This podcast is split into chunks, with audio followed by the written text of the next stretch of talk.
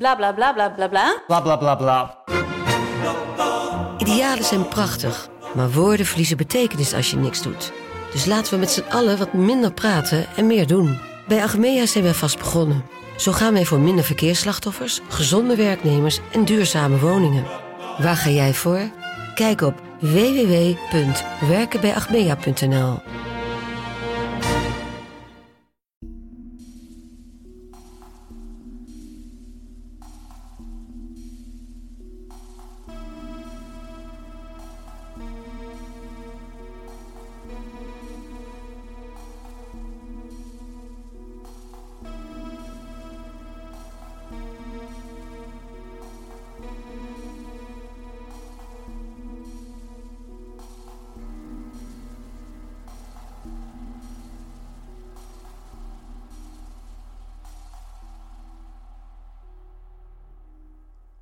Welkom bij aflevering 28 van de Volksjury. Wij zijn Suske en Wiske. Althans, volgens een zekere recensent van Vink. Ja, Het is een eh, podcast die eh, ja, podcast recenseert, om Ja. het vrij kort, kort, samen te vatten. Ja. zeer kort te zeggen, van de Nederlandse publieke omroep. Mhm. En we hebben vandaag ontdekt, of ja, een paar dagen geleden van wanneer Ja. deze podcast uitkomt, dat ze ons, onze podcast, de Volksjury, hebben behandeld. En ik heb... eh, We, hebben, we hebben eerst heel goed gelachen. Om Ja, ja, te beginnen, we hebben heel goed gelachen. Ehm, ja, ze vonden... Ja, het was, het was raar om iemand anders over u te horen praten.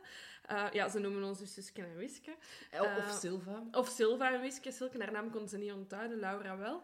Ehm, Ja, dat, ik, vond, ehm, ik vond het super tof dat wij in zo'n podcast Ja. aan bod kwamen.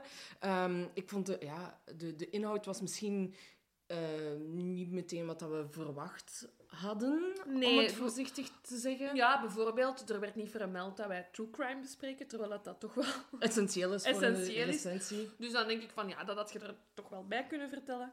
Ehm, ja, voor de rest lag, lag het ons soort manier van podcast maken en duidelijk niet. Nee, terwijl ik denk dat zij eerder op zoek zijn, of de, de personen die, de podcast, eh, die onze podcast gerecense- gerecenseerd hebben, ehm, dat die eerder op zoek zijn naar mensen die reportages maken, die echt diep gaan en specifiek zijn met hun, met hun bronnenmateriaal. En, En laat dat net zijn wat wij niet doen. dat is ook Eh, exact onze omschrijving. Ja, voilà. Ehm, ja, en bijvoorbeeld, ze zeiden dan van, ja, ehm, ik, ik weet niet wat ik moet overhouden aan deze podcast. En ik hoop echt van harte dat niemand deze verwachting nee, heeft. Dus- is gewoon echt puur entertainment. Ja. Ah, Ja. ja. In de zin, wij vinden dit voor ons puur entertainment dat we ja, dit maar doen. dus we willen niet de informatieve podcast zijn. En ik denk dat ze misschien daar een beetje op hadden gehoopt, omdat het, inder... Allee, het zijn inderdaad wel grote zaken dat we behandelen.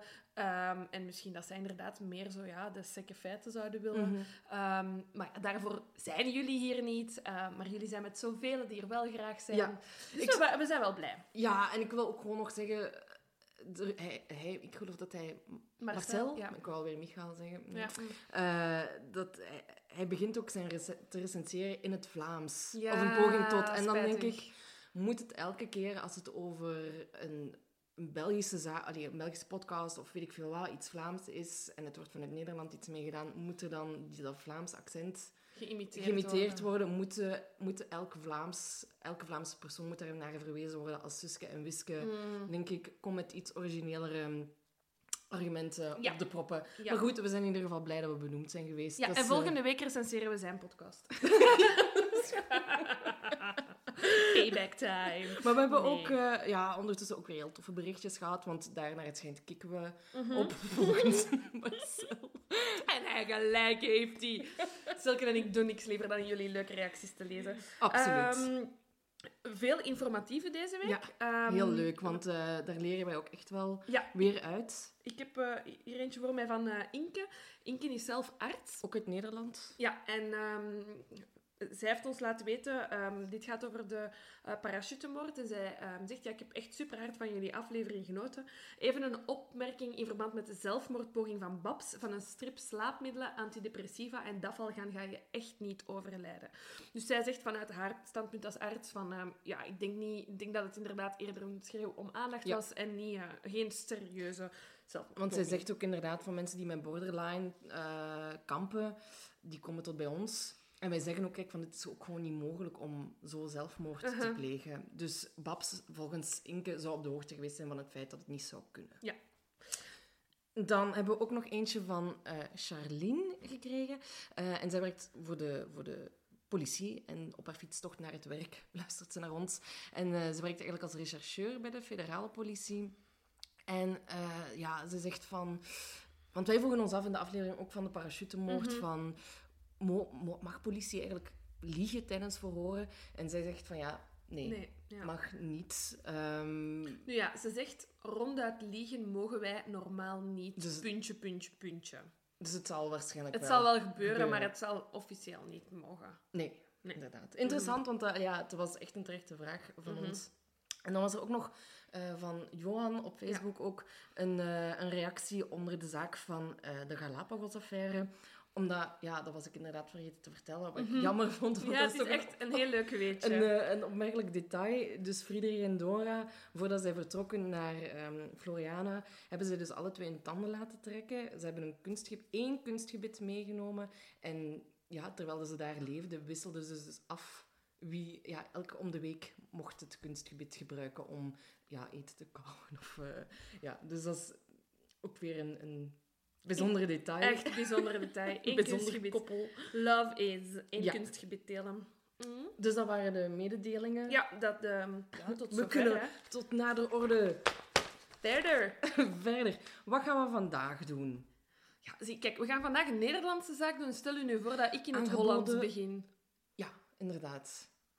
Dat is, ja. dat ga ik nooit doen. Nee, nee. Ik heb zo dadelijk wel iets wat ik even in het, in het Nederlands ga doen, omdat dat gewoon iets heel typisch is. Nu ben ik heel benieuwd. Ehm, want wat de meeste mensen niet weten, is, is dat ik eh, in Utrecht vijf jaar gestudeerd heb. Dus ik ben me wel bewust van bepaalde zaken die gezegd worden en waar raar naar gekeken wordt Ja. en zo. Whatever. Ehm, dus ja, ik voel me wel... Ik vind wel dat ik grapjes...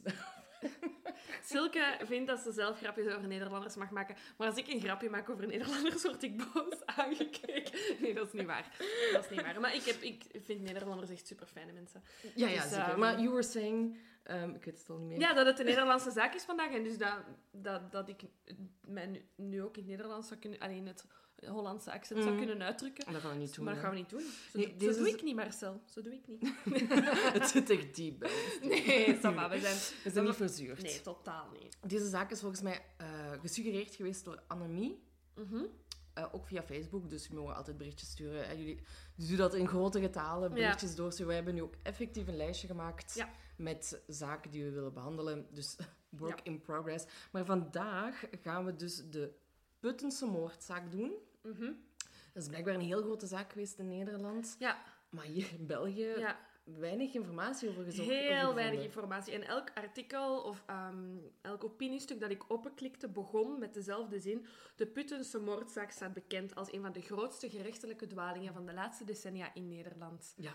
Dus ik vind het ongelooflijk. ehm, ja, ik had er wel al van gehoord. Ah nee, ik nog niet. Ehm, ik, ik had ervan gehoord. Ik heb een tabblad openstaan met soms, soms waarvan, ah ja, da- daar wil ik nog eens iets over opzoeken. Ja, ja. En deze stond daartussen. Mm, maar ik, voor zover ik naar het... En ik probeer elke avond het journaal te kijken of de krant te lezen, heb ik er nooit van iets in de Belgische media zien verschijnen. Terwijl er eigenlijk recent best wel wat nieuwe ontwikkelingen zijn Ja. geweest. En ik heb er nooit, nooit iets van Nee, geweten. nee, nee, inderdaad. Maar goed, het gaat dus over de moord op de 23-jarige stewardess Christel Charlotte Ambrosius. Prachtige achternaam, vind ik het Oh, trouwens. fantastisch. Ja, ehm, even kort gezegd, zoals altijd. ehm, zij, gaat, eh, ja, zij wordt op, op 9 januari 1994 in de boswoning van haar oma aan de Driewegenweg in Putten eh, verkracht en om het leven gebracht. Ehm, en twee inwoners van Putten, Herman Dubois en Wilco Viets, die worden in hoger beroep veroordeeld tot een gevangenisstraf van 10 jaar. Maar als het puntje bij paaltje komt, uiteraard, blijken ze toch niet de moordenaars te zijn en hebben ze in de gevangenis gezeten voor niks. Niks. De feiten? De feiten. Eh, het is 9 januari 1994. Inderdaad, onze 23-jarige... Ik heb, eh, so- Ja. ik heb nog mijn, want daar zit mijn Nederlands mopje in. Oh ja, oké. dus ja, ik, ja, kan ja. niet- ik heb eigenlijk eh, nog eerst 8 januari, zaterdag. Oké, ga ervoor. Dus- Ik hoop dat er een moment is dat ik beter voorbereid ben dan Silke. Ja, maar ik heb dus het gevoel over deze dat ik niet goed voorbereid ben. Oké. Ik heb trouwens ook, wat ik nu ga vertellen, uit het boek van eh J.A. Blauw. Mhm. Eh, de, eh, de Puttense moordzaak heet het. En hij was eh, oud-officier. Ja. En heeft zullen we straks nog verder op ingaan hoe hij betrokken is bij de zaak. Supermooi familienaam ook. Ook, hè. We hebben al Ambrosius, Blauw, Dubois. Viets vind ik ook wel. Ja.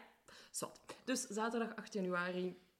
eh, ze, ze woonde eigenlijk in Londen voor haar job. Mhm. Maar als ze niet aan het werk was of op vakantie, dan kwam ze naar haar moeder die in Putten woonde. Mhm. Ehm, en zaterdag 8 januari, zo staat het in het boek geschreven, is ze nog even wezen stappen.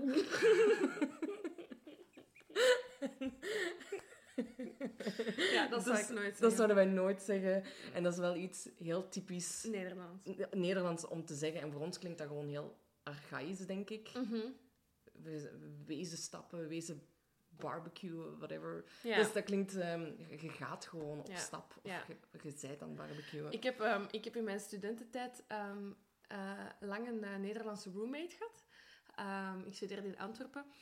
En een van de eerste dagen dat wij samen woonden, waren we heel ons, ons kot aan het poetsen. Eh, en ze vroeg aan mij ehm, om de ragebol even door De te wat? De ragebol even door te geven. En ik heb echt eerst tien minuten gelachen met het woord. En dan heb ik echt gezegd van, ja, sorry, maar ik, ik heb echt geen idee. Het is een soort van, ja, en nu ga ik een ander... Ik ben van Brussels, net een plumeau. Ah ja, voor het stof af te doen. Ja, ja, dus zo ja, met- ja. ja, dat is een ragebol. Schattig. het is Leuk heel woord, mooi. hè? Ja. Ik heb wel eens gehad eh, in Nederland dat ik eh, op kamers zat, want zo heet dat daar dan natuurlijk, eh, dat ik tegen mijn huisgenoot zei, ik ga mijn valies maken. Mhm. En die heeft mij ook echt vijf minuten aangestaard van... Wat? Wat zegt Koffer. je nu? Ik ga mijn koffer pakken. Want als je hem maakt, dan zet je hem nog letterlijk in elkaar. Ah, oké. Dus zo van die misverstanden die voor mij heel logisch waren. Ja, Ik sprak daar op den duur, ik sprak daar nog heel erg Vlaams, maar ik werd zo beïnvloed door daar te wonen, dat als ik dan hier terug in België was, dat mensen vonden dat ik heel Hollands of Sprak, Nederland, ja. Nederlands sprak. Dus ik had, ik had een beetje een identiteitscrisis op een bepaald moment. Maar goed, we zullen teruggaan naar Ja, de sorry. moorzaak. dus ondertussen zijn we wel 9 januari. Ja, ja, ze was dus gaan wezen stappen met beste vriendin Natasha Ja. eh, en de zus van Natasha en haar vriend. Oké.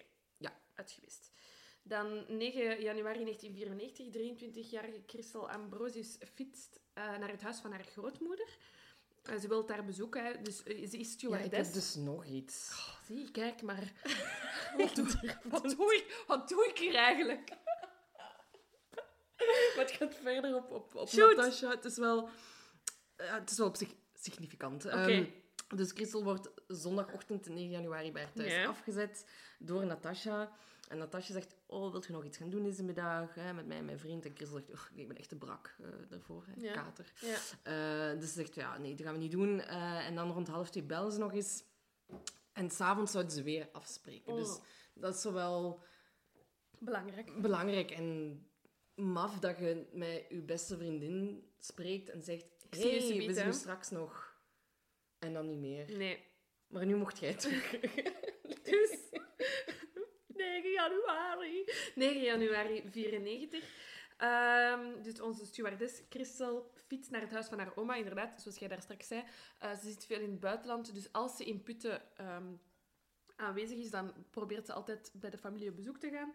Ehm, dus ze komt daar om eh 16 uur een beetje onaangekondigd eigenlijk toe, want oma is niet thuis. Ja, en ze heeft ook aan niemand gezegd eigenlijk. Nee, dat, Dat ze daar langs ging, gaan. Ehm, dus ze komt aan in het huis van haar grootmoeder rond 16 uur, maar die is dan net vertrokken naar een vriendin.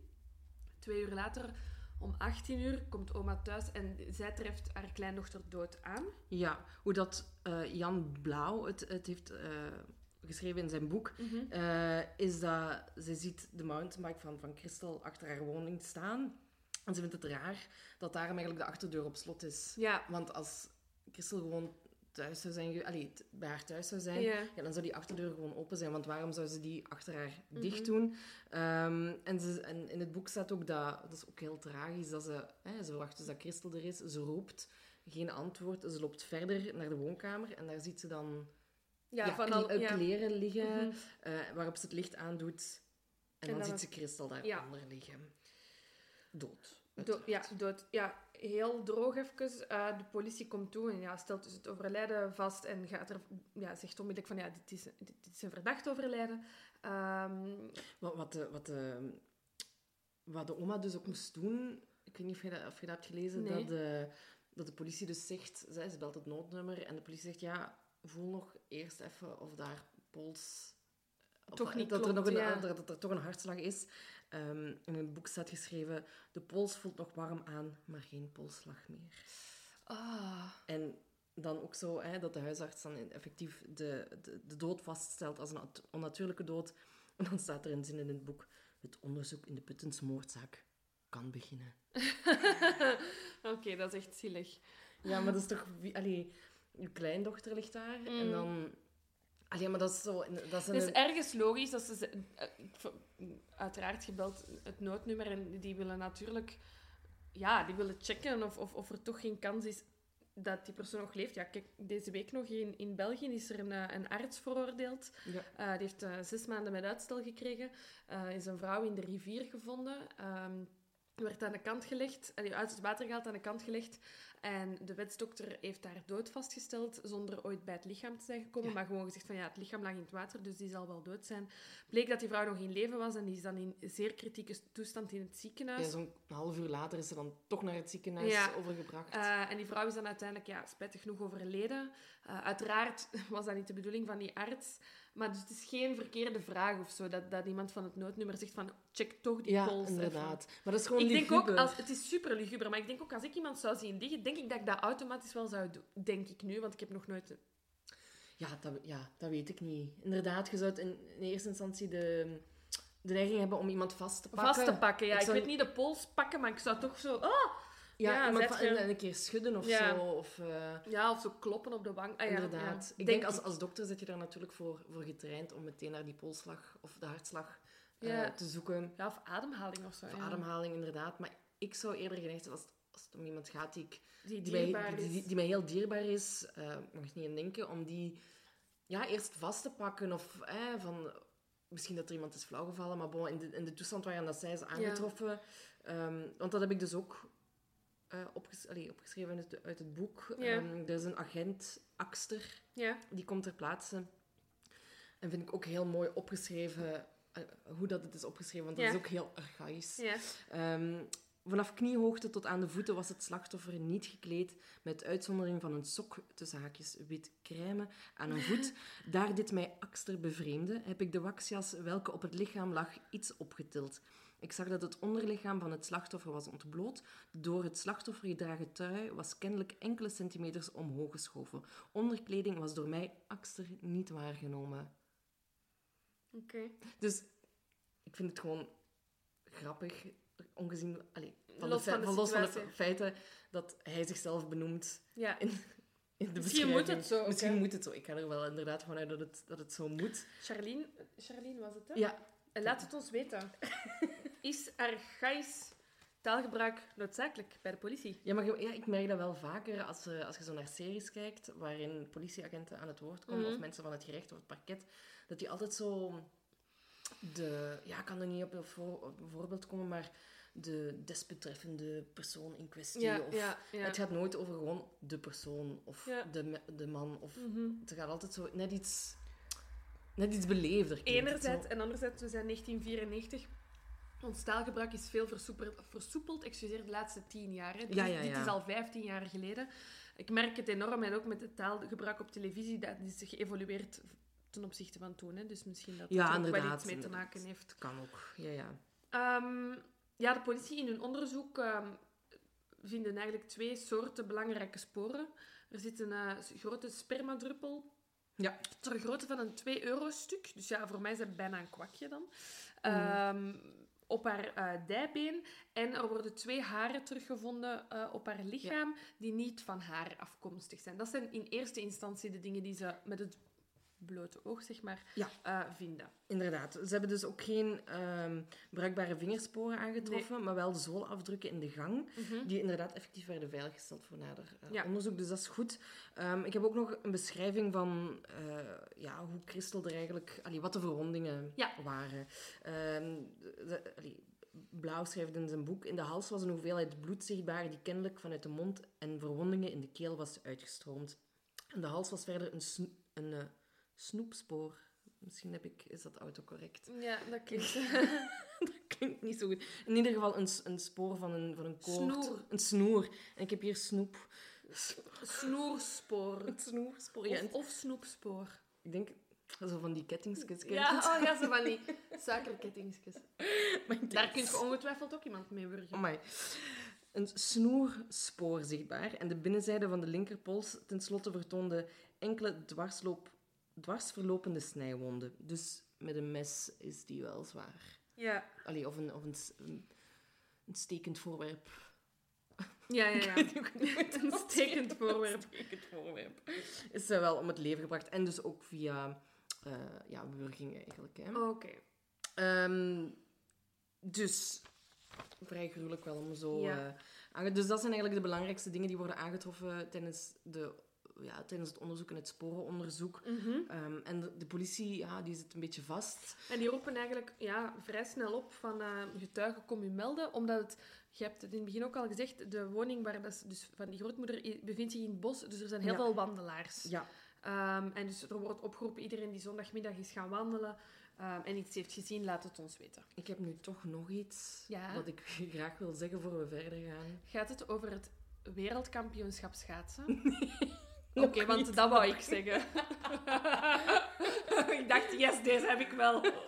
Die eer ga ik aan u overlaten. Nee, ook iets, eh, iets belangrijks. Ehm, de oma van, van Christel laat eigenlijk aan de politie weten dat er, omdat de deur op slot was, Ja, oh, oké. het bijna vergeten. Dit hè. ging, ik op, dit ging ik opsparen, maar oké, ja, go.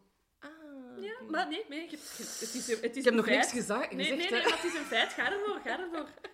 Dat, eh, ehm, dat er eigenlijk twee reservesleutels hangen van de voor- en de achterdeur in het schuurtje. En alleen bekenden Weten dat? weten waar dat die sleutels hangen. Ja. En, Belangrijk. en ja, er, is, er zijn geen sporen van inbraak, hè, Nee, om dat dus te zeggen. Dus ofwel heeft Christel de persoon die haar eh, heeft vermoord binnengelaten, ofwel heeft die persoon via een sleutel... Is, Ja, ah, is die via en een heeft hij die sleutel... ook netjes teruggehangen. Ja, voilà.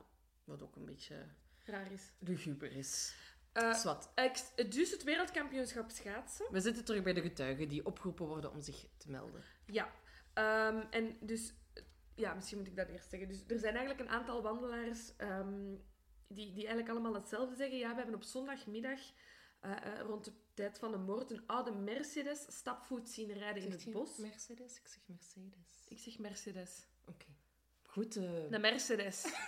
Mercedes. Kan ook. Het is sowieso Mercedes. Dus ik, wat dat ik zeg is fout. Ah, ik weet het niet hoor. Denk Eh, ik. Ik weet het niet. Een Mercedes. Als er autokernis zijn, hè, laat het ons weten. Va- Ja, ik weet het niet. Nee, ik weet het niet. Ik, iemand zei wel voor het laatst tegen mij... Amai, ik, ik ken iemand en heeft zijn dochter Mercedes genoemd. Allee, oh, eh, of Mercedes. en ik zo... Die auto is vernoemd naar de dochter van de maker. Dus je kunt je dochter niet naar een auto noemen. Dat Ah, is origineel een naam. Oké, fun fact, dat wist ik niet. Als je auto daarentegen Bailey noemt, of Porsche, Of Peugeot. of Peugeot, dan, dan word je wel vernoemd naar een auto. Of Peugeot. Dan het gaat op mijn eigen mop. Peugeot. Peugeot en Citroën. Opel. Het zal Opel, hè. Opel? Oké. Mm, is wat. Opel. De Mercedes. Goed, dus er wordt een, een, ehm, een oude Mercedes stapvoets gespot in het eh, bos.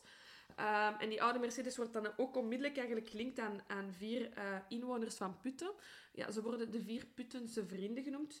Ehm, ze rijden regelmatig rond in het bos. Ja, dat is, ze maken ehm, ja, op zondag vaak wel zo van die ritjes. Ja. ehm, want de, de Mercedes blijkt van een zekere Gerrit Schuchart. Ja, Echt geen ja. Schuchart Ja. te zijn. En ehm, ja, hij maakt dan zo vaak ritjes met zijn schoonzonen Herman Dubois, Wilco ehm, en dan nog een paar... Er wonen ook een paar mensen in het huis. Ja. Hij is een soort van... Hij verhuurt... Ja. Of hij redt mensen die nergens terecht kunnen. Ja.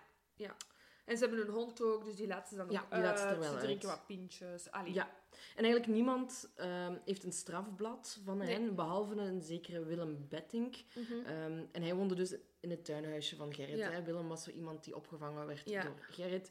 Ehm, en die had twee zedele, of heeft twee zedendelicten op zijn naam staan, waaronder de verkrachting van een oudere vrouw. Dus dat is spreekt al niet zo.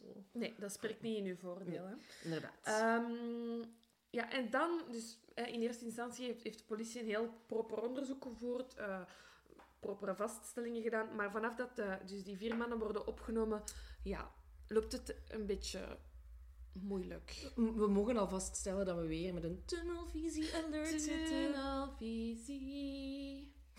Komt me zo vaak tegen. Ja, maar dat is echt... Het is weer super spijtig. Dus die vier mannen worden opgenomen. Drie van de vier hebben geen strafblad. Dus die- waarschijnlijk is dit hun eerste keer dat ze ehm, gearresteerd worden, worden ondervraagd. Die kennen dat niet. Ehm, ik zou ook super veel schrik hebben als ik word opgepakt, zelfs als ik er niks mee te maken heb.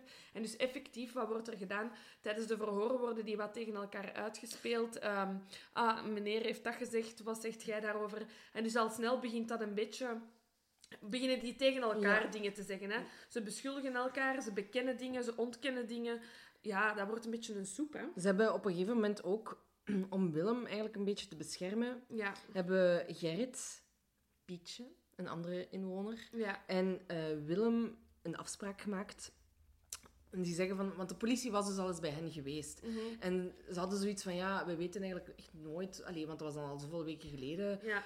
Waar wij precies ook alweer waren op die zondag. Maar het kan dus wel even goed zijn dat wij in het bos waren, want dat is iets wat wij normaal altijd doen. Maar dan daarna hebben ze erover nagedacht en ze dachten van ja, ze gaan wel heel snel terug bij Willem uitkomen, want die heeft zijn twee zedendelicten al. En die woont in dat bos. die woont dicht- in de dicht, buurt. ja. Hè? Dus we gaan gewoon zeggen dat we, ehm, als de politie komt, dan zullen we zeggen dat we die middag niet naar het bos zijn geweest. Ja, Net om Willem in bescherming te nemen. Ehm, maar die afspraak wordt eigenlijk door de politie gezien als een soort van schuldbekentenis ook. Omdat er dus één getuigen zijn die de auto wel gezien hebben, Ja. de Mercedes. En Pietje maakt in zijn eh, verhoren uiteindelijk duidelijk dat, het, dat er een afspraak was gemaakt om te liegen. Ehm, en terwijl Gerrit dan weer ontkent tijdens zijn verhoor dat er een afspraak Ja. was gemaakt. Dus ze blijven elkaar een beetje... Maar dat zijn... Allee, Herman en, ehm en Viet, hoe heet de andere? Wilco. Wilco. Maar ja, wel een goede naam. Die zijn hier eigenlijk nog niet... Die zijn, die zijn, Zijn geen deel van die beeld. afspraak, Nee, hè. nee, nee. Maar ehm, ja, ze zaten dus ook al bij, bij, bij hen in de wagen. Ja. Waardoor ze uiteraard ook in het vizier komen en Ja. worden opgepakt en Ja. verhoord. En ze blijven elkaar inderdaad beschuldigen. Mhm. En dan heb- heeft Herman uiteindelijk gezegd... "Oh, ik ben er echt zo klaar mee. Fuck it, ik onderteken een bekentenis. Ja. En Wilco heeft volgens mij nooit bekend. Nee. Maar die is dan toch inderdaad ook eh, Ja, beschuldigd. dus uiteindelijk concludeert justitie... Ja. ehm, Wilco Viets en Herman Dubois hebben eh Christel vermoord en verkracht. De andere twee waren aanwezig, Ja, ja zeg maar. hebben toegekeken, Mhm. ehm, zijn er niet tussen gekomen, hebben dus het niet verhinderd eh, en zijn dus eigenlijk medeplichtig. Ja, wat dat ze gedaan zouden hebben, hè, ze waren dan aan het cruisen in een Mercedes. En ze zouden dan Christel op haar fiets hebben gezien. Ja. En dan zouden er pa- bepaalde uitspraken zijn gevallen van, oh, die zou ik wel eens willen pakken. Ja. Ja, gebeurt wel ja. vaker. Hè? Maar daarom wil dat nog niet zeggen dat er ook effectief iets gaat gebeuren. Maar goed, volg gewoon niet per se wat er in uw broek Ja, inderdaad. Ja, en is het ook effectief gezegd geweest of is dit Ja, weer een verklaring? Hè? Ehm, dus daarop, eh, ja, Herman en Wilco zouden tijdens een plaspauze verdwenen zijn, zogenaamd. ja. Ehm, en, die, en als ze niet terugkomen, zijn Gerrit en, ehm, en Willem zoiets van, "Mm, raar, misschien moeten we eens gaan zien. Ja. Gaan naar het huis, inderdaad, en zien daar door het raam ja. dat Herman en Wilco dus Christel aan het verkrachten zouden zijn en aan het vermoorden. Ja. Ehm, En iets wat ik ook nog wil zeggen, van zodra dat die bekentenissen zijn gedaan en zijn ondertekend, zijn die mannen daar ook direct eigenlijk weer van afgestapt. Hè. Dus ze hebben eigenlijk, eh, ja, ik vermoed na een lang en uitputtend verhoor, ehm, bekend. En dan heel snel heb- eigenlijk, ja, de volgende dag al zoiets van, "Goh, nee, eigenlijk, nee, eigenlijk niet. Dus tijdens hun proces, ehm, dus tussen het verhoor en het proces, is net zoals in België een, een, een korte periode, in België is het soms een langere periode, eh, tussen gegaan. Ehm, en eigenlijk, van, ja, op het proces hebben ze eigenlijk al ja, gezegd van, dit zijn valse verklaringen, die Ja, zijn ja, ja, onder druk inderdaad. verkregen. Eh, en dus nu wil ik even naar mijn mega Hollands ding komen. Anja Dubois, eh, de vrouw van Herman Dubois, die zegt van, ik ben er 100% zeker van dat hij thuis was. ja. Die 9e ehm, januari want het was Europees kampioenschap schaatsen. Dat werd rechtstreeks uitgezonden. En iedereen weet dat Nederlanders graag schaatsen. Of graag Geobsedeerd zijn door Oké, schaatsen. voilà. Kijk, Silke het een beetje heftiger. Ehm, dus nee, Herman was thuis naar het Europees kampioenschap schaatsen aan het kijken. En eerlijk, ik vind dat een zeer goed alibi. Ah ja, want dat is iedereen aan het kijken. Ja, voilà. Nee, want het is, wel, het is wel frappant, want Herman zou ook degene zijn die Christel vermoord heeft. Mhm. Wilco zou haar verkracht hebben Ja. en Herman zou dan uiteindelijk met zijn mes ehm, ja, de dodelijke steek hebben toegebracht. Mhm. En ja, daarop, volgens de, eh, het motief dat eh, ja, het openbaar Minister, van Justitie zegt van hè, Gerrit en Willem zijn daarop geschrokken teruggegaan naar de auto en daar hebben ze dan gewacht tot Herman en Wilco terugkwamen. Mhm. En op de terugweg zou eh, Gerrit verklaard hebben, zou Herman iets uit het raam van de auto gegooid hebben. Ja. De politie gaat ervan uit eh, dat dat het mes is. En op Ja. aanwijzen van Ger- Gerrit gaan ze dus zoeken, gaat de politie zoeken. En vier maanden later wordt een verroest mes Teruggevonden. teruggevonden.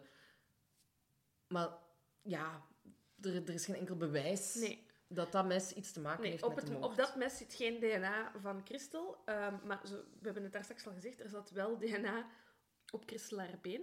Ja, Eh, hè, dus er zijn haren teruggevonden, twee vreemde haren en eh, sperma. Ehm, en ja, uiteraard wordt dat getoetst eh, met het DNA-profiel van de vier, ver- allee, en eigenlijk nu twee, we zullen nu, vanaf nu twee zeggen, Ja. verdachten. Ehm, en die matcht met geen van beiden. Nee, inderdaad. Ehm, Gelukkig heeft het Openbaar Ministerie daar een zeer goede theorie over. Hoe dat het komt dat, het, dat Christel verkracht is, maar dat het sperma op haar been niet van de verkrachter de zou zijn. beste, beste theorie ever. Silke gaar voor. Wel, dus ehm, ik heb dat hier even ergens opgeschreven. Ja. Ze zijn, de- het sperma en de haar blijken dus niet van Herma en Wil- Wilco te zijn. En, maar dus de officier zegt, ja, maar ja, hè, dat was een... eh, een Gebeurt toch altijd? dat was een, een wild meisje, hè, onze Christel. hè, Ja. hield wel eens wat van avontuurtjes. En de spermadruppel zou dus nog een restant zijn geweest van een eerdere mm, seksuele... eh, Seksueel contact? seksueel betrekking. En zou de druppel daarbij uit haar vagina gesleept. Ja, dus ze zou de avond ervoor, of ervoor in ieder geval, haar verkrachting seks hebben gehad. Die persoon, dus met wie de seks gewillig zou gebeurd zijn, zou geëjaculeerd hebben. En ehm, dan zou ze verkracht worden. Die mensen zouden niet geëjaculeerd hebben, maar met het, hun penis dan naar buiten trekken, zou die sperma van de eerste man mee naar buiten zijn gekomen. Het, ook- het heet de sleeptheorie en het is mijn nieuwe lievelingstheorie. maar ik kan, kan niet bevatten dat je dit serieus kunt brengen in een rechtszaak. Dit is een beetje zoals de uiltheorie voor mij. Ah ja, ja, ja, inderdaad. Dit is echt, ja.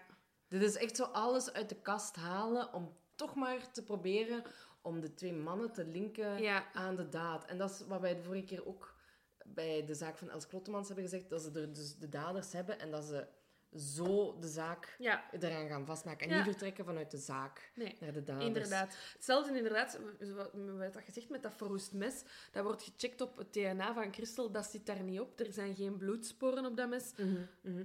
En ook, ehm, er werden zogenaamd vezels van een, van een, een kleedje, van Mhm. een tapijtje, eh, gevonden op de broek van Herman. Maar dat blijkt dus ook gewoon, die vezels blijken zo heel normaal te zijn en heel veel voorkomend te zijn. Ja. Dus dat heeft ook zo geen sluitende waarde voor het Nee. feit dat zij de daders kunnen zijn. En verder in het huis is ook geen enkel spoor van Herman en Wilco gevonden. Nee. Letterlijk op geen deurknop. Ehm, ja, nergens En die- wordt hun DNA-profiel gevonden. En die voetsporen die ze hadden veiliggesteld, kunnen ook niet gematcht worden, kunnen ook niet thuisgebracht Nee. worden. Eh de teruggangen van de sleutel kon ook niet verklaard worden. Nee. Ehm, dus ja, dat is allemaal een beetje raar. En, en, en, Wil, ehm, en Willem en Gerrit, die zouden volgens hun verklaringen tien minuten aan dat huis gestaan hebben. Mhm. Wat naar het schijnt ook bizar is, omdat dat huis ook aan een soort van weg stond en daar Ja. veel passage was. Mhm. Dus mensen zouden hen gezien moeten hebben Ja. aan, het, aan het huis. Maar de getuigen kunnen inderdaad ook hun, hun eh, getuigen herkennen hen niet als Ja, personen die aan het huis zouden hebben gestaan. Ehm, maar ja, helaas, eind december 1994 worden ze alle twee ehm, in de rechtbank van Zutpen veroorzaakt, eh, veroorzaakt, veroordeeld voor moord en verkrachting op Christel Ambrosius. Ik heb, ik heb nog een paar ehm, extra details over de verhoren. Ja, go. Dus Her- Herman zou 80 keer verhoord zijn geweest. Dagen achter elkaar, tot diep in de nacht. Mm. An- en de anderen werden ook tientallen keren verhoord. Hè. En ze werden ook, Mm. wat we zeiden, tegen elkaar uitgespeeld. Ehm, wat, er ook, wat ik ook gelezen heb, ik weet niet of dat, dat waar is, komt van een of andere web, website misdaadjournalistiek.nl of zo. Ehm, dat Herman zijn vrouw Anja moest bellen en zeggen dat hij had bekend. Maar later bleek dus dat Herman in het gezelschap was van twee rechercheurs. rechercheurs Mhm. en dat het gesprek dus op werd genomen zonder dat Anja dat wist. Om, om haar reactie te... Om, ja, ik denk het ook. En dat is ook een beetje eh, ja, louche, denk ik, of zo. Om Ja, nee, ik, op zich moesten ze het gedaan hebben, lijkt mij dat een, een, een logische... Nee, niet logisch, maar ik, ik- misschien dat hij inderdaad die moord zou hebben gepleegd en dat wel hebben bekend aan zijn vrouw of zo. Ehm, en door dan te horen... Allee, misschien Ja. dat zij dan zei, oh, stoemerik, waarom hebben ze dat nu gezegd? Of, Ja, ja, ja. ehm, of oh, gaat beter gezwegen. Allee, misschien Inderdaad. zoiets, ik weet ook weer helemaal niet of het gangbaar is of dat het normaal is om te doen. Nee. Ehm, Ik vroeg mij ook af, omdat ze dus veroordeeld zijn in Nederland, eh, of in Nederland ook een volksjury is. Of niet, dat weet ik eigenlijk niet. Of Ik is het gewoon een rechter en... en... niet. Dat weet ik eigenlijk Oké, dat moeten jullie Dus- ons laten weten. Ja, nee, maar, Maar ik... ik, ik, ik denk van iemand, als ik zo ehm, de volksjury intype op Google, soms ja, doe ik dat wel eens. Dan... eh, want wij, kikken, wij kikken op recensies. Ik exact hetzelfde zeggen. Dan, eh nu om te zien wat dat er zo al gaande is eh, in de podcast laten doen. Mhm. En dan kwam, kwam ik inderdaad op artikels tegen, geloof ik, van, eh, van Nederlandse kranten, die ons systeem gingen uitleggen. Ons assise, Oh, oké, ons met, de, met de volksjury. Ja. Dus ik weet niet, misschien dat ze ook een soort van jury hebben of zo, maar Ja. het zal niet hetzelfde zijn. Ja, Maar ik, ik vind dus dat de rechtbank van Zutphen heeft hen veroordeeld. eh, en het Hof van Arnhem en de Hoge Raad bevestigen het vonnis. Dus misschien Ja. dat er toch een soort van controleorgaan is dat dan... ja, ja, ja. eh, Ja, dus en, en Herman kreeg negen jaar gevangenisstraf plus TBS. En dat heb ik even moeten opzoeken wat dat, dat is. Want ik heb dat wel vaker gehoord toen ik in Nederland woonde, maar ik heb nooit de moeite gedaan om effectief dat te researchen. Ja. Maar dat betekent dus... TBS is de afkorting van ter beschikkingstelling. En dat betekent dat als een dader een zware misdrijf pleegt en daarvoor geheel of gedeeltelijk ontoerekeningsvatbaar voor is vanwege een persoonlijkheidsstoornis en of een psychiatrische stoornis, ehm, dan wordt hij ja, opgenomen of Ja. krijgt hij begeleiding, omdat het gevaar bestaat dat de dader opnieuw in fout In gaat. ja. Dus eigenlijk, ja, wat ook hier ontoerekeningsvatbaar of toerekeningsvatbaar is. Ja. En als je eh, ontoerekeningsvatbaar bent, dat je die begeleiding ja, krijgt. maar hij is dus wel toerekeningsvatbaar, niet ontoerekeningsvatbaar dan. Nee, hij is geheel of gedeeltelijk ontoerekeningsvatbaar. Oh, oké. Huh? En waarom dan? Is al een of andere persoonlijkheidsstoornis of psychiatrische stoornis hebben? Ik weet het Garm niet. die mens. Ik, ja. heb, ehm, ik heb niet meer de tijd gehad om, ehm, Oh, nee, nee, nee. Ik vroeg het mij gewoon af, want ik was het niet tegengekomen. Maar... ehm, of dat er... ja, ik denk, als ik het goed heb, heb ik wel ergens iets gelezen dat hij het in een soort van zou gedaan hebben in een vlaag van... oh, ja, oké. ja, ja. Maar dat de weet ik niet. zinsverbijstering Ja, van in inderdaad, België. ja. Oké.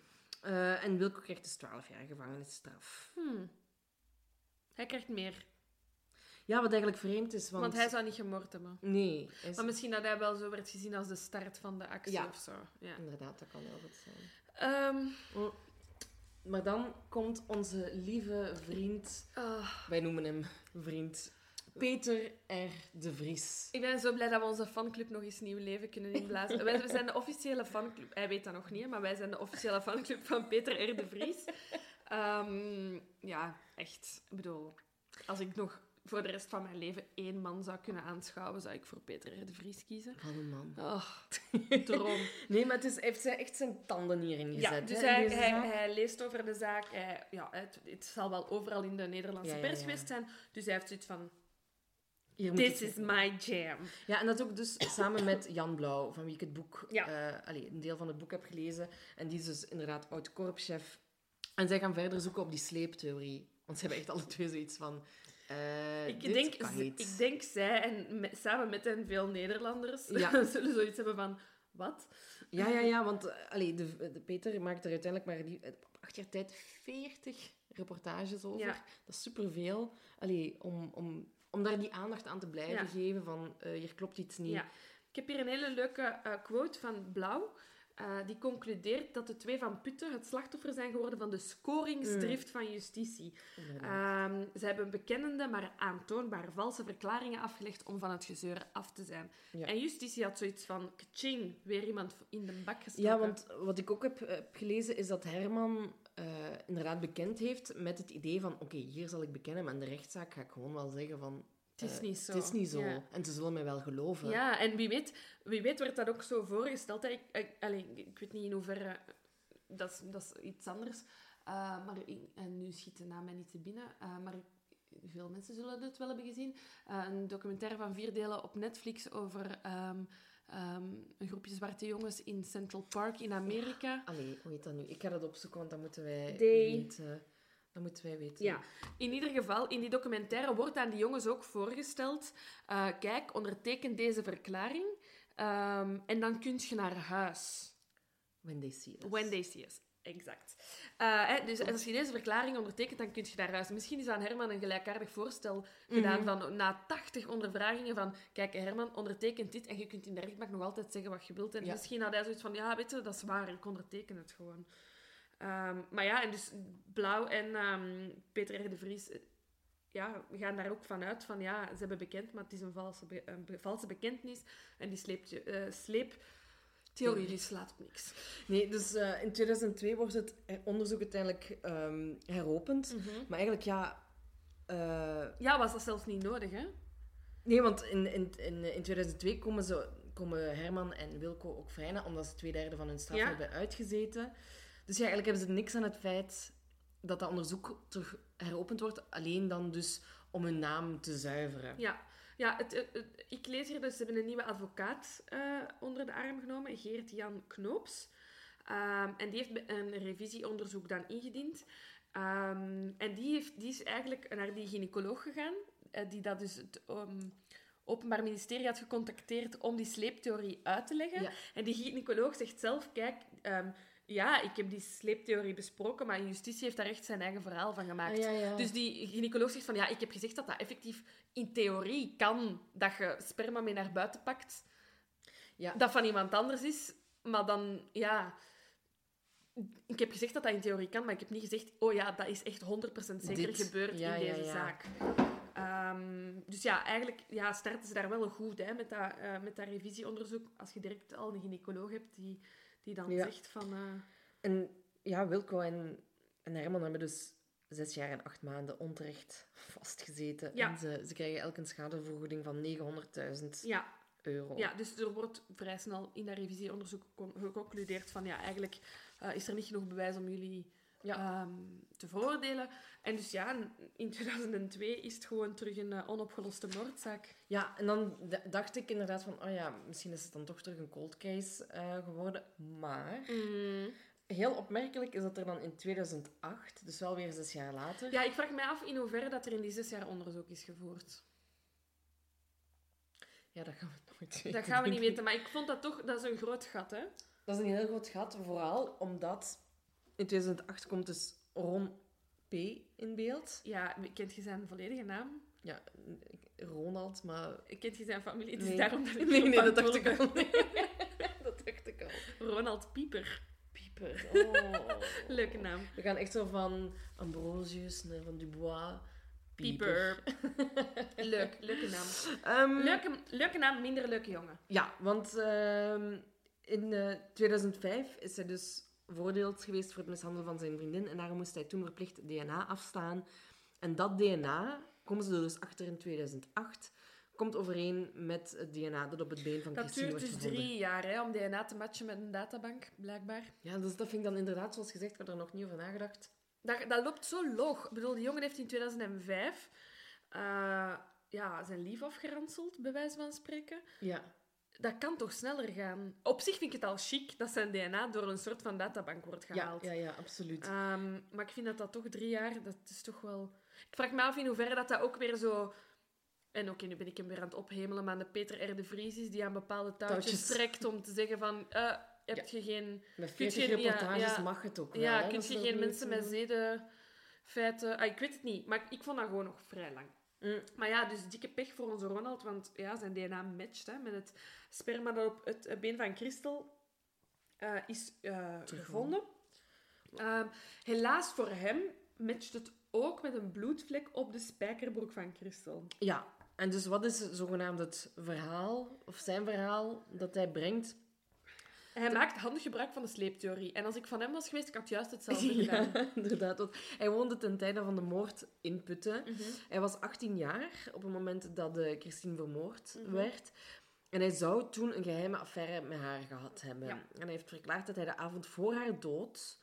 ehm, dat ze naar zijn ouderlijk huis zijn gegaan en dan ongeveer twee uur intiem met elkaar, met elkaar zijn geweest. Voilà. Wat dat zijn DNA dus kan verklaren. Maar zijn verhaal wordt beschouwd als ongeloofwaardig en een kletsverhaal, want hij wist heel weinig persoonlijke dingen over Christel. hè. Mhm. De, eh, zo zegt eh, de, de rechtbank van ja, ze wist niet, hij wist niet voor welke vliegtuigmaatschappij Christel werkte. Hij kende de kleur van haar ogen niet. En haar vriendinnen wisten ook helemaal niks van die affaire. Ja. Dus er klopt Zwans verhaal. Ja.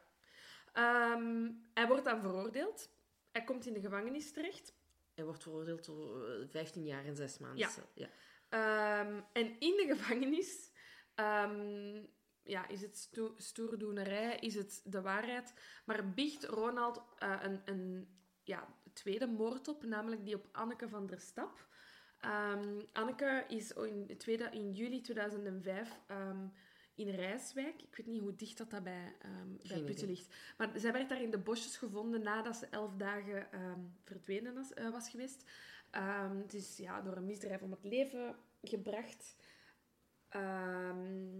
En ja, het, het- er is al nog meer bewijs voor Ronald in deze zaak. Want Mhm. enkele uren na de vermissing van Anneke is er met haar, eh, ja, met haar bankkaart geld afgehaald eh, door hem. Hij bleek ook in bezit te zijn van een USB-stick en een harde schijf van eh, de laptop van Anneke. Ehm, en het rare aan deze zaak is dan dat hij dus ja, een proces heeft gehad in 2012 voor die tw- tweede moord dan, maar dat hij bij gebrek aan voldoende bewijzen in eerste instantie is vrijgesproken en dan in hoger beroep in 2014 alsnog schuldig is ehm, bevonden, maar enkel door, voor doodslag en diefstal van goederen, omdat er dus ja, zogezegd Ja. te weinig bewijs zou zijn. En dan wordt hij veroordeeld tot 4,5 jaar Ja. cel. En Ronald eh, Pieper is geen, ehm, is geen simpele mens. Want eh, dus hij heeft die feiten dan bekend tegen mede-gedetineerden. En hij heeft ook ehm, ja, ja, toch bepaalde verklaringen afgelegd over dan, hè, onze moordzaak van, Mhm. van Christel. Eh, maar eenmaal in de rechtbank ehm, deed hij beroep op zijn zwijgrecht. En zei heel Ja. de tijd geen commentaar. Dat mag, hè. Het mag, maar dus hij heeft ook, ja, het zijn eigen ook niet simpel gemaakt in de rechtbank door dan ja, eigenlijk op elke vraag geen commentaar te Ah, antwoorden. dat wist ik niet, dat heb ja. ik niet gezien. Oh, yes. ik heb iets. Maar goed, hij wordt dus veroordeeld. Ja, inderdaad. Maar daar is, daarmee is de kous niet af. Nee. Want er zijn mensen die ook geloven dat Ron het niet gedaan heeft. En Ja. ook geloven dat Herman en Wilco het niet gedaan hebben. Dus Ja. het een sluit het andere niet, nee, niet dus er uit. is, er is een ehm, Wie Ton, is- een, een Ton Derksen. Ton Derksen. Hij is ehm, van opleiding, allee, of hij is eh, filosoof, maar hij is dus ook auteur. En Ja. hij heeft zich zo wat, ja, vastgebeten. een, een beetje à la Peter R. de Ja, Vries. ja, hij, hij, hij- in, ja, dus dingen die fout lopen in het Nederlandse gerecht. En hij is bekend geworden met de Lucia de Bergzaak. Het gaat zo over een vrouw die ja, destijds ook onterecht veroordeeld is. En dankzij zijn inspanningen is zij vrijgekomen. Ehm, en het is dus de advocaat van Ronald, eh, Ronald Pieper eh, die Ton Derksen heeft ehm, gecontacteerd. Mhm, mhm. Ehm zei dat hij die mens heeft gecontacteerd eh, nadat hij veroordeeld was voor de Puttense moordzaak. En dat er nog geen sprake was van de moord op Anneke. Ja. Ehm, dus die Tom Derksen was in eerste instantie zeer geïnteresseerd. Dus voor die veroordeling van die Puttense moordzaak. En heeft, ja, had zoiets van, ja, oké, ik, wil, ik wil mij er wel op toespitsen. Maar dus tijdens zijn onderzoek is dan die moord van Anneke gekomen. Ehm, Mhm. En Ton heeft daar dan zelf over gezegd van, oké, ja, dan begon ik ook even te twijfelen, ben ik wel het juiste aan het doen? Maar hij heeft zoiets van, alsnog heeft hij beide dingen niet gedaan. Niet gedaan, want eh, Ton is er, er bijvoorbeeld achtergekomen dat... Of ja, hij denkt Ja. in ieder geval te weten dat Christel meerdere affaires had. En daarover zegt hij... Ik vind het logisch dat Christel niet trots was op een affaire met een 18-jarige jongen Ja. en er daarom niet met haar vriendinnen over sprak. Kan. Ja, ik vond ook wel het feit dat ze zo zeiden van... allee, ik, ik weet... Ik, ik spreek niet goed en ik denk... Er is DNA-materiaal dat, dat het tegenspreekt. Dus voor mij is... Allee, dat, dat het... Dat er is tegen Ronald, dus er is wel een grote kans dat hij een dader is. Maar eh, zeggen dat je, omdat je een, een, een affaire hebt en dat niemand daarvan weet... Ik, er zijn heel veel affaires waar Ja. niemand iets van weet. Ehm, en het feit dat hij dan weinig over haar weet als, als, als persoon, ja...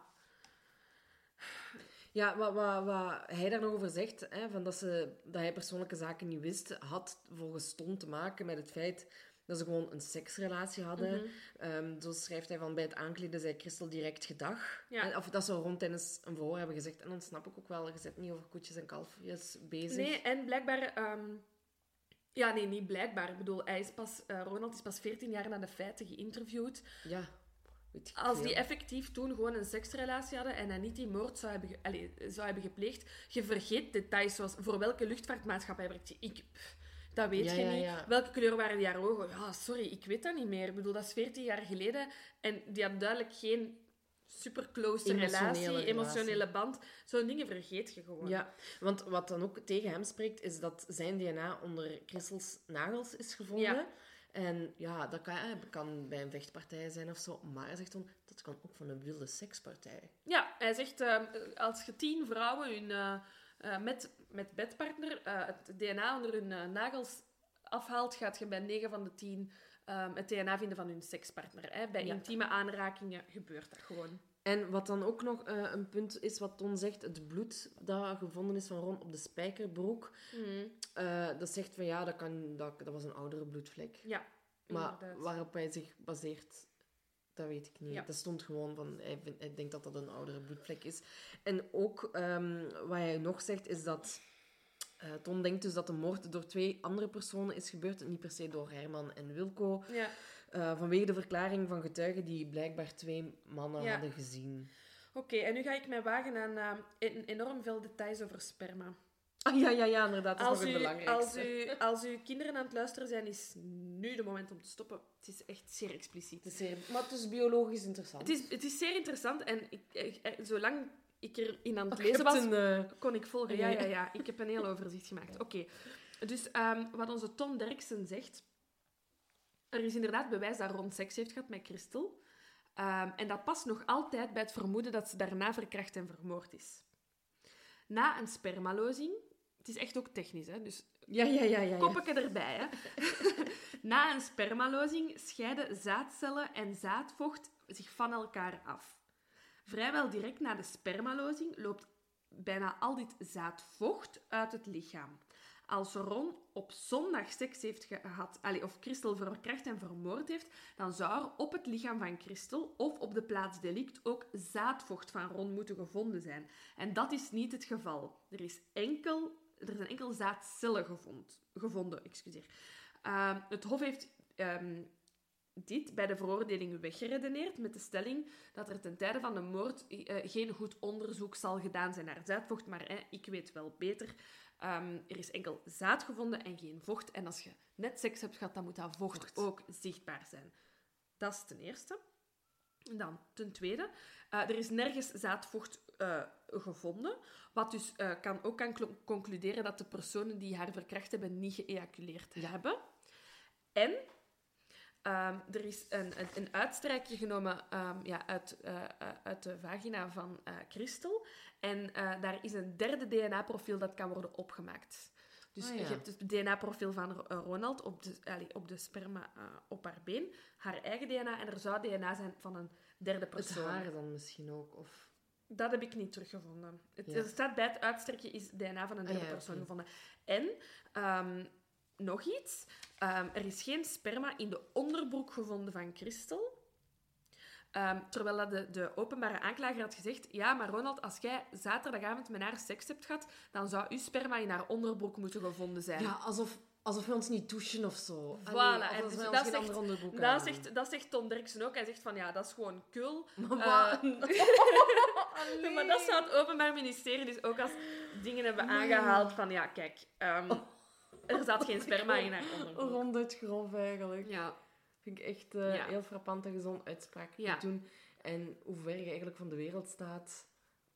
Als... Hoe ver staat je van de wereld als je die sleeptheorie serieus neemt? Maar ja, Maar ja, het ding is dat, dat, dat Ronald er dan natuurlijk wel gebruik van maakt door te zeggen, ja, ik heb seks gehad, maar mijn sperma zal ermee zijn uitgekomen. Ah, ja, ja, ja. Wat ik, wat ik nog heb gezien, Ja. ehm, dat, er zouden dus ook nog andere verdachten zijn geweest. Ehm, enfin, mogelijk geweest zijn, maar omdat er dus eh, naar, de, naar de Mercedes geen ander onderzoek meer werd gedaan, zijn die mensen nooit echt specifiek in het vizier gekomen. Ja. Ehm, er zou dus ook nog een rode Peugeot hebben rondgereden ten tijde van eh, de moord. Peugeot. Kom Peugeot, kom. Kom, kom, kom, kom, kom. Eh, met een buitenlands kenteken. Mhm. En er zouden ook nog ehm, ja, twee dubieuze personen geweest zijn met wie Christel recent contact had gehad en waarover haar broer zich zorgen Ja. maakte. Goh, weet je, bij mij is er één ding dat blijft terug... Allee, dat in het begin gezegd geweest is en dat bij zowel ehm, Herman en Wilco als bij Ronald ehm, niet opgelost geraken, is dat sleutel, die Ja. sleutel van dat huisje. Inderdaad, klopt. Dus ja. die dader... Dus die, deur was op slot, dus die persoon moet weten hebben gehad van die, van die sleutel. En geen van die drie dat we nu zien, heeft weet van die sleutel. Inderdaad. Want het, het deed er ook niet meer ter zake toe in het, in het verhaal van... In het, ehm, in de- tijdens de ondervraging van Ron. Ja. Het is gewoon... Poef, Niks zo, nee, voilà, dus dat is weer zo. Dat is, dat is juist iets wat dat ik zie als zeer belangrijk materiaal. Namelijk, het moet iemand uit een dichte kring zijn of iemand die daar weet van heeft. En dan ineens valt dat allemaal weg bij elke verdachte dat we hier nu hebben opgenoemd. Ja. Het is gewoon weer hetzelfde als wat we net zeiden. En bij de zaak van eh, Els Klottemans. Mhm. De zaak... Allee, of de, wordt echt naar de hand gezet van wie dat de dader zou kunnen zijn. Mhm. Dus Ja. het is echt zo'n tunnelvisie eh, fenomeen en het feit dat eh, ja, je dus eigenlijk al schuldig bent voordat het tegendeel bewezen, bewezen is. is. Ehm, ja, eh, even, omdat we nu toch eh, in mineur aan het gaan zijn, even in mineur eindigen. Ehm, dus Herman en Wilco zijn vrijgekomen. Ja. Ehm, en dat is dan niet goed afgegaan. hè? Nee, want die krijgen dus... Hè, je denkt, oh wauw, die krijgen elk 900.000 euro, wat ik op zich nog niet heel veel ik vind dat echt niet genoeg. Ehm, en je denkt dan, oké, dan kunnen die tenminste wel terug hun leven opbouwen en Ja. ik veel wat. Maar die moeten zoveel leningen afbetalen van al die advocaten en dergelijke, dat die al dat geld gewoon Ja. meteen Ik heb hier een hele mooie quote. Dus eh, Anja Dubois, de vrouw van Herman, heeft, heeft ook een boek geschreven later Ja. eh, over de gebeurtenissen en wat het met uw familie heeft gedaan. Ehm, en zij zegt hierover, ehm, de schadevergoeding is een vloek geweest. Als je veel geld wint bij de staatsloterij, krijg je meteen een adviseur en begeleiding. Die hebben wij niet gehad. Wij moeten nu rondkomen van een bijstandsuitkering, want al het geld is inderdaad op. Ja. Ehm, en ja, dan zijn zowel Herman als Wilco nog eens in aanraking gekomen met het gerecht. Ja, en dat verbaast mij ook niet, want ze zijn alle twee niet. veroordeeld geweest. Hoe in godsnaam moet je nog aan een job Ja, en in hun vrij jonge leven, die hebben een echt ja, een, een, een zeer cruciaal deel van hun leven gemist. Ehm, dus ja, Herman Dubois is samen met zijn zoon voor de rechter verschenen, omdat de twee eh, ja, betrokken zijn geweest bij een ecstasyhandel. De zoon, ehm, zijn naam is Michel, kreeg tien maanden cel en de vader eh, moest niet terug in de gevangenis. Dat vond ik wel heel schoon. De rechter vindt dat Dubois slecht is begeleid na de Puttense moordzaak en acht nieuwe gevangenisstraf traumatisch. Preach it. Ja, inderdaad, iemand die het dan toch inziet. Ehm, en dan Wilco Viets, iets, iets totaal anders. Ehm, die is als een getuige, eh, als slachtoffer eh, in de rechtbank verschenen, want die heeft een vrouw een lift eh, ehm, willen geven en dan is er een soort van conflict ontstaan en die is neergestoken. Ja, zielig hè. Echt super zielig. Maar, denk je dat Ron het gedaan heeft? En ik weet dat ik dat niet mag zeggen, want ik weet dat er nog van alles kan mislopen, maar ik geloof DNA-materiaal wel echt. Dat staat voor mij wel bovenaan. Ja. Boven getuigen, boven... Ja, ik vind DNA-materiaal is zoiets moeilijk en, en ik, ik zal het zo zeggen. Dat sperma op, op dat been komt daar niet door die sleeptheorie. Dat Nee, geloof nee, ik echt niet. Nee, nee. Dus Dus, of- dat is niet van de dag ervoor. Nee, dus ofwel hebben die effectief, hadden die een affaire en hebben die seks gehad en is die op haar been klaargekomen en heeft hij zich inderdaad niet ge- gewassen en zat dat daar gewoon al, ik weet niet hoe lang, maar ik vind het gewoon raar. Maar sperma komt niet zomaar op iemand zijn been terecht. Ja, en ik vind het ook raar dat Ron zegt dat hij de, de avond ervoor heeft afgesproken. Want zoals ik in het begin aangaf, op zaterdag 8 januari, is Christel wezen stappen met Ja. Natasha. Ja, alles kan, hè. Een stiekem een relatie ja, ja. hebben kan. Dus, Ja. Maar ik... oh, ik Ik wou gewoon nog het- even wezen stappen zeggen. Maar ik vind... Oh, DNA-materiaal vind ik altijd zo moeilijk. En het is zo stom, want ik heb voor het laatste ook weer een documentaire gekeken waarin dat ze zo ehm, vier verschillende eh, bewijsmaterialen totaal, vergelijken met vier zaken waar dat dan totaal niet matcht. Dus waar Ah, ja. DNA-materiaal ehm 100% klopt en dan alsnog niet. En videomateriaal 100% in beeld en toch niet. Dus ik weet dat het kan, eh, maar ik ga sperma vind ik zo... Ze is verkracht en vermoord en uw sperma zit op haar been. Dat is gewoon niet goed, hè? Nee, nee, nee, dan, dan snap ik dat. En van, van, de eh, drie, van de drie, dus als je Herman, Herman en Wilco en Ron dan bekijkt, dan als wel- die effectief een, een stiekeme relatie hadden, dan is hij nog degene die de grootste kans had om weet te hebben van die sleutel om in dat huis binnen te geraken. Ja, en dan zou hij misschien ook toch motief hebben gehad. Als in, we hebben een geheime relatie en ik wil niet dat onze relatie ja, geheim is. Ja. Ik gooi het even in de groep. Ik weet het niet. Ik vind het moeilijk om te zeggen, maar ik vind DNA-materiaal is zo overtuigend. Normaal hebben we altijd een, wel een, Een mening. een, goede mening over iets. hè, Maar deze is gewoon echt heel moeilijk omdat... En dit heeft mij... Het, heeft mij het, moe- het, het is voor mij moeilijk geworden om door heel die analyse van die en Ton te lezen. Ja. Omdat die zo... Die is best wel overtuigend. En inderdaad door zo... hoe- heet dat? Ehm, ik wil Met zeggen... puntjes? Methodisch te werk Ah, te ja. gaan. Dus door, nee, maar door echt inderdaad aan te tonen... ah, het is niet... ah, allee, ja... Ja, ja, het Hij is heeft- niet zomaar iets dat hem zegt. Hij, is- hij heeft, hij heeft zich daar wel mee bezig Ja. gehouden. En het is, het is ook echt een wetenschapsfilosoof. Hij weet waarover Anderzijds is hij ook spreekt. ver- hetzelfde probleem met de politie hier. De politie die vertrekt vanuit een dader en dan een verhaal. eh, Doet hij het doet hij het omgekeerde. omgekeerde. En hij vertrekt vanuit een slachtoffer en maakt daar een verhaal van. Hè?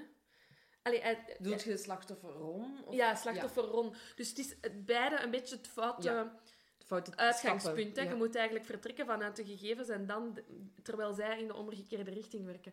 Ehm, ik weet het niet. Ik vind, ik vind dat er te weinig met die sleutel is bezig geweest en ik, ik had graag Dat wat meer gewoon- uit haar omgeving. Ja, dat is gewoon raar inderdaad dat, ehm, dat die sleutel opeens verdwijnt. Mhm. En dat is inderdaad nooit verklaard geweest. En daarom zou ik eerder ook geneigd zijn om te zeggen dat Ron het Niet gedaan heeft. niet gedaan heeft. Ja, Maar dan zit er dus nog steeds iemand onschuldig vast. ja. En hoe zit het dan met die moord op dat andere ja meisje? het, het- ding is, hij heeft het gewoon... Als hij het niet heeft gedaan, is er gewoon een beetje te veel toeval ook. Hè. Hij Ja. slaat zijn vriendin in elkaar. Eh, zijn- Ze heeft een gewelddadig verleden. Ja, hè? hij heeft een gewelddadig verleden. En dat, oké, dat wil niks zeggen met mensen verbeteren, maar bij seksuele delinquenten vind ik dat altijd een beetje anders. En, en hij bekent die moord dan op Anneke ook. En dan toch weer niet. En, maar daar, heeft er, daar, daar is dan superveel bewijsmateriaal in mijn ogen. Ja, en daar wordt het dan opeens doodslag. Dus dat snap ik ook niet, Ja. dat hij inderdaad... Goed, ja, ze zullen waarschijnlijk inderdaad alleen maar kunnen hebben, zeggen van... Oké, hij heeft die spullen gejat. Mhm. Maar ze kunnen niet bewijzen dat hij effectief haar vermoord heeft. Hij zal Nee, misschien ja. toch nog een alibi hebben Ja. of weet ik veel wat. Ehm, ik weet het niet. Ik weet niet, dan denk ik zo, oh, drie, drie slachtoffers is misschien een beetje te veel toeval. Dit is al bijna een seriemoordenaar, hè? Ja. ja Wie als weet. Hij, ja, maar als hij, er twee, hij heeft er twee vermoord en zijn... We gaan er nu vanuit dat hij er... Ik denk, ah, ja, voor mij heeft hij het gedaan. Oké. Mm. ik zit in een moeilijke zo, spreiding. Ja, ja, nee, maar ik snap het. Ehm, Maar ik zeg ja. Ik hoop dat hij op de plek zit waar hij moet zitten Ja, als hij het gedaan heeft. ja dat, dat ook. Ja. Bon, dat, dat is iets wat ik ook al eerder heb gezegd in de, Ja. in de aflevering. Maar ik vind het heel moeilijk om hier een eh, beslissing in te maken. Maar ja. ja. En er is maar... Los, ik vind het super zielig voor Herman en Wilco, maar er is maar één slachtoffer. Hè, en dat is Christel. Absoluut. Ja. En, En, dat is eh, weer... Herman en, en Wilco zijn gewoon slachtoffer van het eh, systeem. Ja, inderdaad. En ik hoop dat ze nu... Ja, Ja, ik hoop dat ze alsnog ergens vrede vinden met zichzelf en, en met, het, met wat er met hen gebeurd Mhm. is. Hè. Ehm, ik vond het een super interessante ja, zaak. ja, inderdaad. Dus heel erg bedankt. Ik hoop dat de naam Annemie was. Ehm, ik denk het wel. Wacht, hè. Ik ga dat... Ik ja. ga je het lijstje eens boven halen. Ja, ja, maar wat is het nu? Oei, we hebben een, een paar technische... Een minuutje, hè. Dus ik heb echt... Ik heb een schoon Excel-bestand gemaakt met alle ehm, suggesties die jullie ons hebben gegeven. En nu gaan we naar de Puttens. eh, ik heb die ergens van voren, nee.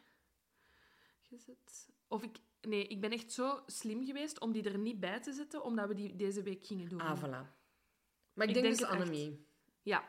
Ik denk, ik denk Annemie. En als het niet is, dan zetten we het de volgende keer recht. Annemie, laat het weten. Ja, sorry. Sorry als het niet zo is. Hier, jawel, sorry. Anne, Annelies. Oh, Annelies. Oh, ook met een super... Ja, ik weet niet of ik... Of waar Nee, van- we- nee, Toffe maar achternaam. maar Superleuke achternaam. Annelies, ik hoop dat je tot het einde geluisterd hebt. Ja. We gaan het in onze omschrijving zetten. Ja, Dat het van Annelies ja, komt. ja. De tip. Het was leuk. Het was beetje- leuk. Het was, le- het, was, het was leuk om te doen. Het was interessant om te doen. Ehm, Ja, en ook vooral omdat we nog nooit van de zaak hadden gehoord. Terwijl het toch een, de grootste gerechtelijke dwaling ja, van Nederland is. En dichtbij is. ja. Laat jullie suggesties zeker komen. Ja, en laat alle berichten ook maar komen, want Ja. we kikken er We kijken erop. Positief, negatief, alles. alles. Laat maar komen. Tot de volgende keer. Bye! Ciao.